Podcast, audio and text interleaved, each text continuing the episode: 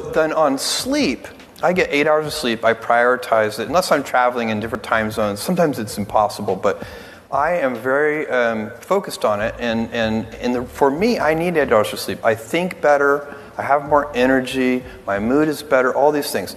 And think about it as a senior executive, what do you really get um, paid to do? As a senior executive, you get paid to make a small number of high quality decisions. Your, your job is not to make thousands of decisions every day. So let's say that I slept six hours a day, or let's go really crazy and say I slept four hours a day. So now I just got four so called productive hours back. So if I was going to, you know, have, say, 12 hours of productive time during any waking day, now all of a sudden I have 12 plus 4, I have 16 productive hours. So I have 33% more um, time to make decisions. So if I was going to make, you know, 100 decisions, now I can make 133 decisions. If I, if I did that arithmetic wrong, I'm sorry.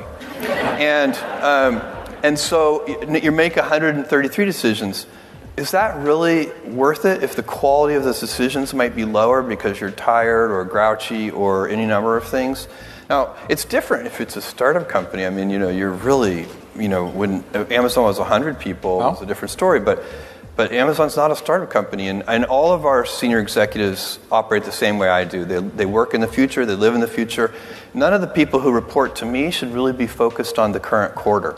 Um, I always tell people, sometimes I get, you know, we'll have a, a good um, quarterly conference call or something, and, and Wall Street will like our quarterly results, and I'll get people will stop me and say, Congratulations on your quarter. And I say, Thank you. But what I'm really thinking is, that quarter was baked three years ago. I, right now, I'm working on a quarter that's going to reveal itself in 2021 sometime. And that's what you need to be doing. You need to be out sort of, you know, two or three years in advance. And um, if you are, and then why do I need to make 100 decisions a day? If I make like three good decisions a day, that's enough and they should just be as high quality as I can make them.